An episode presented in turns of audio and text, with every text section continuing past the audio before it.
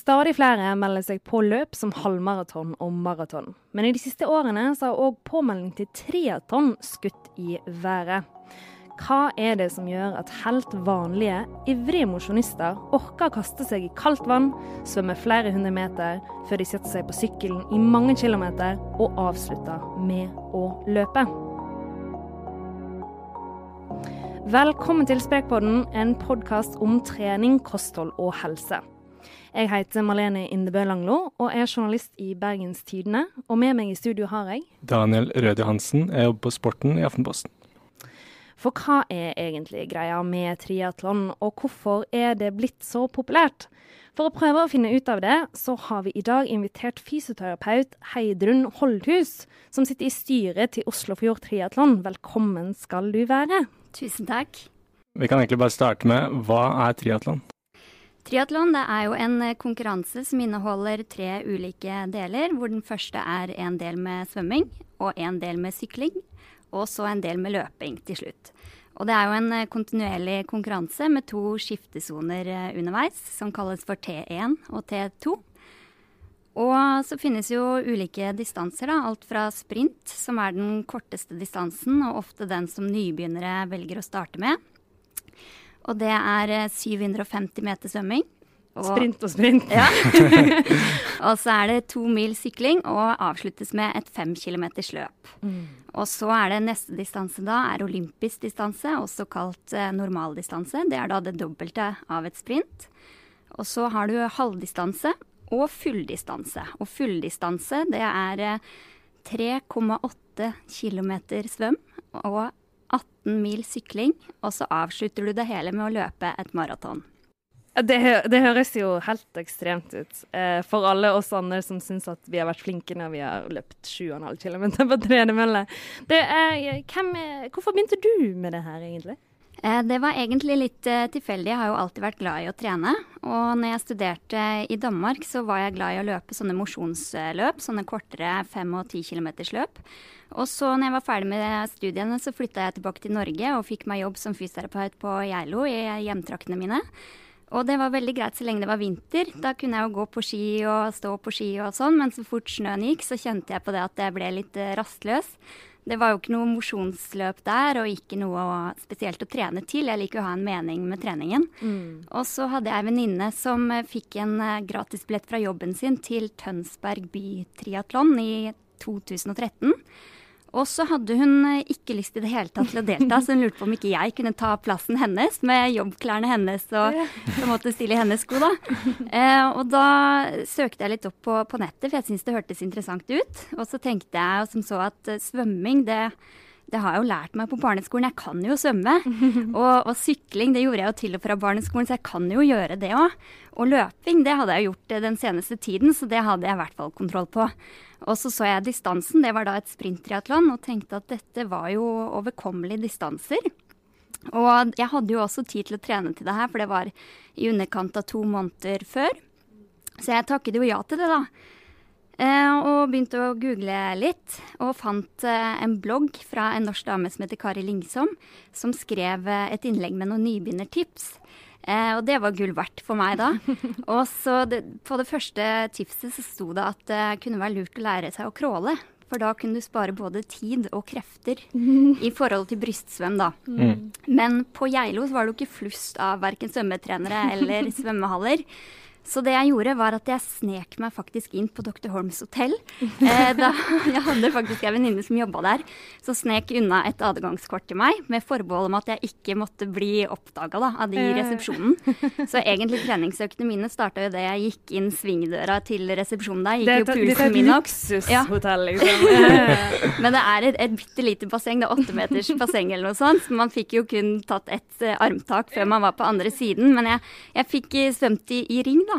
Og så satt jeg og, og så på YouTube-klipp, sånne øvelsesvideoer, kvelden før og skrev ned tre ting som jeg kunne øve på. Og så eh, fortsatte jeg med det her hver dag etter jobb. Eh, men jeg slet litt med å få til den pusteteknikken. For det er sånn at man helst skal puste inn over vann med munn, og så puster du ut gjennom nesa under vann. Og det er en ting som må automatiseres. Og parallelt med det her så, så, hadde jeg også lest at det var lurt å svømme utendørs. Fordi at det er ikke det samme å svømme inne og svømme Nei, ute. Bølge og Ikke litt sant? Og så er det også det at eh, i basseng så er det jo eh, Du ser jo ned til bånn, og du har sånne streker i bånn, så det er lettere å holde retningen osv. Men ute så, så er det ofte mørkt og, og vanskelig å holde retning. Eh, så da, etter å ha vært på Holm, så dro jeg hjem og spiste middag. Og så dro jeg ned på Strandafjorden, som er et veldig, veldig kaldt og mørkt eh, vann. Og da ble jo sånn klokka ni på kvelden, og, og jeg var jo alene der. Og det var, det var ganske skummelt, følte jeg da. Så jeg husker jeg aldri jobba så hardt mentalt med meg selv for å få meg ut av den bilen og gå ned i vannet og legge på svøm når jeg ikke engang fikk det til. Så jeg plaska jo der som en veps og fikk tatt tre svømmetak før jeg begynte å hyperventilere og måtte få igjen pusten, og så var det tre nye svømmetak. Og, og sånn fortsatte det. Men 14 dager før konkurransen så skjedde det noe magisk. Da bare knakk jeg koden og fikk til denne her pusteteknikken. Og da løsna alt. Da, da begynte jeg å glede meg over, eh, over svømmingen og kunne svømme lengre avstander og, og føle litt på den frihetsfølelsen så, som jeg nå setter så pris på, da. Og da kunne jeg låne meg en sykkel fra søsteren min og begynne å sykle. Jeg dro fram løpeskoene igjen og begynte å løpe. Og så stilte jeg på startstreken 14 dager eh, etterpå. To uker etter du har knekt koden. Ja, ikke sant? ganske imponerende. Det, det var det. Eh, og jeg var jo veldig nervøs før konkurransen. Og det var jo flere ganger jeg tenkte sånn at kanskje jeg skulle trekke meg. Men så tenkte jeg, hva hvis det her er en idrett som potensielt kan gi meg så mye glede? Eh, så jeg må jo prøve. Og det gjorde jeg jo, og stilte til start med 280 andre gule badehetter eh, rundt meg. Og akkurat timen før konkurransen så sank alle nervene. Eh, veldig merkelig, men det er kanskje noe med det at når du har trent så, så hardt og så lenge for noe, så er det liksom deilig å komme i gang og se om det funker, da. Og det gjorde det. Det var kjempegøy. Og det føltes ikke utrygt i det hele tatt. Jeg hadde jo kajakker på hver side og båter fra redningstjenesten og alt. Var bare kjempegøy. Og syklingen gikk fint, og løpingen, den, den følte jeg hadde i min hule hånd. ikke sant? Det hadde jeg gjort mange ganger, så da visste jeg jo at jeg kom til å komme meg i mål. Og da kom jeg faktisk på 235. plass. Eh, men jeg tror jeg var den mest lykkeligste av de alle sammen. Altså, jeg var så glad. Så det, siden det har jeg vært eh, bitt av basillen, altså. Ja. Eh, nå har du snakket om din egen inngang eh, til idretten, men det er jo mange som driver med det. Altså, hva, hva er inntrykket ditt av hva er det som driver folk? Jeg tror det er eh, flere ting. Det er nok ulike grunner til at folk starter, men jeg tror grunnen til at folk fortsetter med det her, er nok eh, både det med naturopplevelser. Altså det Mine beste minner er bl.a. fra Sognsvann i solskinn, hvor du ser solstrålene bryte gjennom vannoverflaten og du kan se bunn. Det er en utrolig befriende følelse. Eh, Og også fine sykkelturer nedover Oslofjorden, eh, kaketur til Son og, og sånn. Eh, og så er det nok eh, det sosiale også, i hvert fall hvis du er medlem av en klubb. Så er det utrolig sosialt og en fin plass å øke nettverket ditt. Store deler av mitt nettverk i Oslo har jeg møtt eh, gjennom klubben. Og jeg har også fått flere nye nære venninner der som jeg møtes med utenfor triatlon også. Og så har vi det utrolig kjekt sammen, både på trening og konkurranse. Man blir jo veldig godt kjent. Man eh, deler jo opplevelser og svette og tårer, og man skifter foran hverandre og tisse foran hverandre. Man, man blir veldig godt kjent, da. Og så er vi, vi Vi blir også litt sånn barnslige og, og lekne. Jeg vet ikke om det er spesielt for klubben vår, men vi har også en trening som vi kaller for SFO. FV, som da står for skolefritidsordning for voksne. For det er liksom vårt hangoutsted etter jobb, da. Og så er det ingen som vil dra hjem etter trening, for vi har det så hyggelig så vi bare sitter og skravler helt til noen ringer hjemmefra og sier at det er leggetid. Så, så det er utrolig hyggelig sånn sett. Og så er det jo noe med sporten òg, da. At det er tre ulike idretter. Så det er alltid noe å trene på, alltid noe å bli bedre på. Og det gjør også at du merker mestring underveis, da. For du, du merker alltid en fremgang. Og det trenger ikke være store ting, men det kan være ting som at du blir raskere i skiftesonen, eller at du klarer å slippe deg løs i nedover bakke på sykkel, f.eks. Så det er, det er alltid eh, en mestringsfølelse der, og det tror jeg eh, trigger den eh, Ja, at du vil fortsette.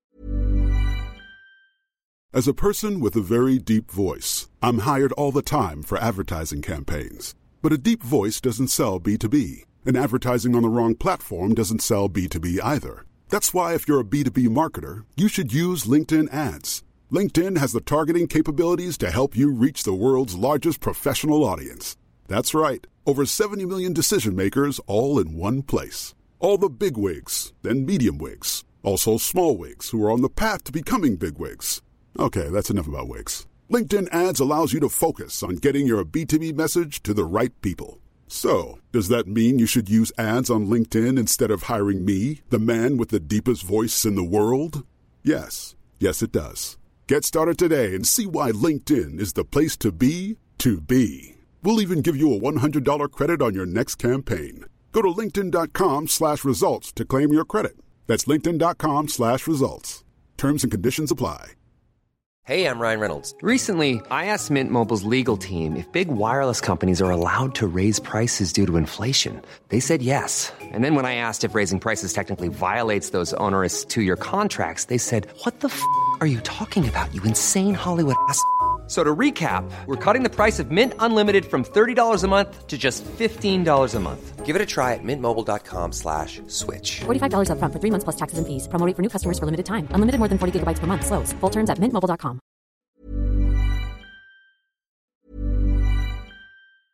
Normally, being a little extra might be a bit much, but not when it comes to healthcare. That's why United Healthcare's Health Protector Guard fixed indemnity insurance plans, underwritten by Golden Rule Insurance Company, supplement your primary plan so you manage out of pocket costs. Learn more at uh1.com. Say hello to a new era of mental health care. Cerebral is here to help you achieve your mental wellness goals with professional therapy and medication management support. 100% online. You'll experience the all new Cerebral Way, an innovative approach to mental wellness designed around you. You'll get a personalized treatment plan from a therapist, prescriber, or both in a safe and judgment free space. Your cerebral therapist or prescriber will outline a customized plan with clear milestones along the way so you can get to feeling your best. With Cerebral, you're not alone in your mental health journey. We're here to empower you to live a fulfilling life. So take that first step towards a brighter future and sign up today at cerebral.com slash podcast and use code ACAST to get 15% off your first month. Offer only valid on monthly plans. Other exclusions may apply. Offer ends July 31st, 2024. See site for details. Mm.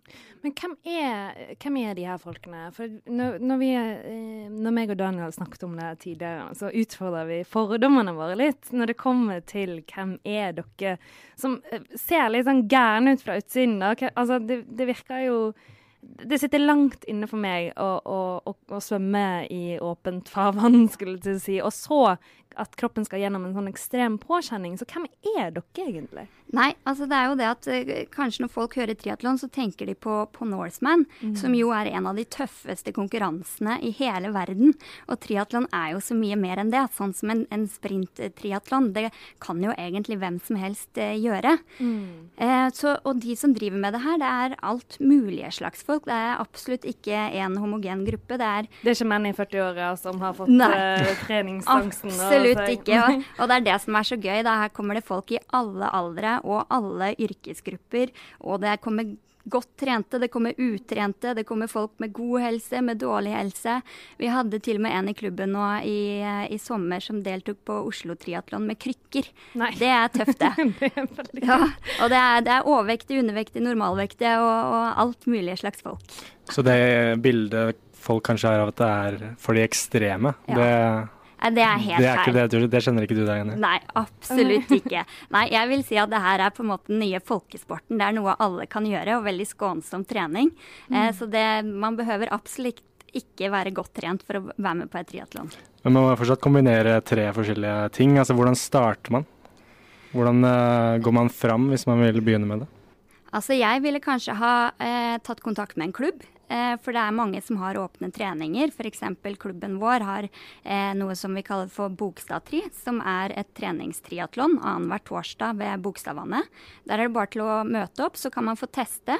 Eh, og ellers så er det bare til å stille opp og prate med de som er der. Er det én ting vi triatleter har til felles, så er det det at vi elsker å snakke om triatlon. og gi tips og råd. Og da har man også muligheten til å lære veldig mye. Og vi har jo også svømmetreninger med, med trener også. Så ta kontakt med en klubb. Det er absolutt mitt beste tips. Mm. Du, eh, du, korrigerte meg tidligere før vi starta podkasten. Jeg trodde jo sesongen allerede var i gang. Det er jo den ikke. Men hva er det man må tenke på da, hvis man står der på startstreken da i sommer, har vi nå lært at det er sesong. Eh, hva er det man bør tenke på når man står der? Det, det, kommer helt an på målet. Så, så først er det å, å, definere målet. da. Hvis du skal delta eh, på en eh, halvdistanse eller fulldistanse, så vil jeg kanskje bruke tiden nå på å eh, sykle. For det er det du kommer til å holde på med i flest timer. Og da er det jo mange som går til innkjøp av en rulle, som, man, som er et stativ man kan feste på sykkelen. Som inneholder noen wattmålinger og hastighetsmålinger og speedometer og sånn. Eh, og mm, så kan man laste ned et program som heter Swift, vet jeg også at mange driver med. Det er et sånn virtuelt løypeprogram hvor du også kan konkurrere med andre som du kjenner og, og ikke kjenner. Eh, men det driver ikke jeg med, for jeg liker å gå på ski på vinteren. Eh, og skal du delta i ditt første sprinttriatlon, så ville jeg kanskje trent på, på svakhetene dine, som f.eks. er eh, at du ikke kan crawle, da. Så da ville jeg heller eh, vært inne i bassenget og crawle og så heller gå ut og sykle og løpe når våren kommer. Da er det mye hyggeligere også. For crawl, føler du at det er noe man bør kunne før man, eh, man, melder seg på? Man må ikke det. Man kan fint stille til start og svømme bryst, og det er mange som gjør det. Mm. Men f.eks. jeg valgte å gjøre det også litt fordi at jeg ville fylle tiden min med noe da ja. jeg bodde på Geilo. du ville lære noe ja, ja, Og man skal ikke undervurdere den uh, følelsen av å lære seg noe nytt i voksen alder. Det gir mm. utrolig mye mestringsfølelse som man kanskje ikke har kjent på siden man var liten, og det, og det er mye glede rundt det, altså. Eh, hvordan, uh, kan du bare beskrive litt kort, hvordan trener man hvis man skal bli god i triatlon? Ja, det, det, er sikkert veldig mye, da, men ja. hvis du kan ta, ta, for deg de viktigste områdene. Ja, for det er jo lange distanser. Det er ikke bare bare å trene på en søndag til en, til en triatlon. Det er jo mye Nei. greier. Ja, eh, og man vil jo gjerne dele det opp. At man, man svømmer for seg, og sykler for seg, og, og løper for seg. Og så, eh, når sesongen nærmer seg, så er det mange som har litt sånne overgangsøkter mellom sykkel og løp, f.eks. For, eh, for å gjøre kroppen klar for den overgangen der er, for det kan være litt tøft den første mhm. gangen. Har du litt stive bein. Mm. Eh, men så er det også lurt å, å trene litt på skiftesonene, faktisk. Det sier vi er vår fjerde disiplin. Man kan miste mange minutter der hvis man er opptatt av, av sånt. Eh, og det er også gøy med, med skiftesoner. Jeg syns det er knallgøy å trene på det. Hvordan blir man god til å, å, å ta på seg en, en våtdrakt? Ja, nei, altså Av seg en, blir det vel seg, ja, ja. ja, Det starter man jo med når man kommer opp av vannet. Og så er det litt hvordan du har rigga til skiftesonen din. Og, og, så må du gjøre det her i, i riktig rekkefølge. og, og, har plassert deg litt strategisk i forhold til utgang og, og inngang i, i skiftesonen. Og ja, det er jo noen som driver og hopper på sykkelen i, i fart og sånn. Det har ikke jeg turt å, å gjøre ennå. Men ikke sant, man har alltid forbedringspotensial, så det er alltid noe å trene på. Men det fins ikke noe eh, fasitsvar på hvordan man skal trene, for det kommer helt an på eh, distansen du velger å gjøre. Mm. Mm. Hmm. Er, det, er det svømminga som er den, den største kneika for mange? Det er det. Det er helt riktig. Det er ofte den største kneika for, for veldig mange. Eh, og der eh, er det jo veldig nyttig også å svømme inne eh, gjennom vinteren for å øke kompetanse der. Mm. Eh, Mindre skummelt, kanskje? Ja. Mm. ja det, når det gjelder øh, det med at det er skummelt, da gjelder det å svømme ute, egentlig. Ja, okay. ja, ja. Og så kan man heller bygge opp utholdenheten innendørs. Og jeg som er øh, litt redd for basseng òg. litt skummelt. Bassengskrekk. Eh, hva med utstyr? Altså, er, det, er, det, en barriere, eller hvordan uh, kan man løse det billigst mulig? Ja, absolutt. I min første konkurranse så hadde jeg jo lånt meg sykkel og, og lånt hjelm. Det jeg måtte ha, det var en våtdrakt. Eh, og det er fordi vi bor i et kaldt land, og da må vi ha våtdrakt. Og det er også mye hyggeligere å svømme utendørs på trening når vi har våtdrakt. Eh, og det kan man få billig på finn.no kan man få til eh, under tusenlappen. Jeg bestilte fra, fra, en nettbutikk fra England. Det som er ulempen med det, er at du ikke får prøvd den på forhånd. Ja. Han skal jo være veldig trang, da. Eh, men, men, nå så er det kommet veldig mange ute på Finn, altså, så der vil jeg anbefale. Men eh, når det gjelder løpesko, så det har jo veldig mange i dag. Mm. Og jeg hadde heller ikke noe triatlonklær eller sykkelsko eller noe som helst. Så jeg vil heller anbefale å gjøre triatlon, og så se hvordan det funker med det utstyret du har fra før. Og så kan du eventuelt velge om du har lyst til å kjøpe noe brukt eller noe nytt etter hvert. Mm. Du, um, man er jo veldig aktiv i mange, mange timer. Uh, er det noe spesielt man bør tenke på i dagene før, med hvordan man spiser, på selve dagen ikke minst? Ja, det kommer også an på distansen. Ja. La oss ta en sprint, da. Ja, hvis mm. jeg skal gjøre en sprint, da passer jeg på å drikke mye vann dagen før. Og så spiser jeg et karbohydratrikt måltid kvelden før. Gjerne noe lett, enten pasta og kylling eller eh, fisk og potet. Heller det enn rødt kjøtt. Og så eh, dagen eh, jeg skal konkurrere, så spiser jeg frokost tre timer før konkurranse. Eh, og jeg sverger til den gode, gamle havregrøten. Mm. Og så spiser jeg kanskje en frukt en time før konkurranse. Hmm. Mm. For hvor, hvor, mange timer Det vil jo være helt individuelt, selvfølgelig. Men hvor mange timer eh, holder man på i en sprint, sånn cirka? Cirka halvannen time. Ja. ja det er ganske lenge. Mm.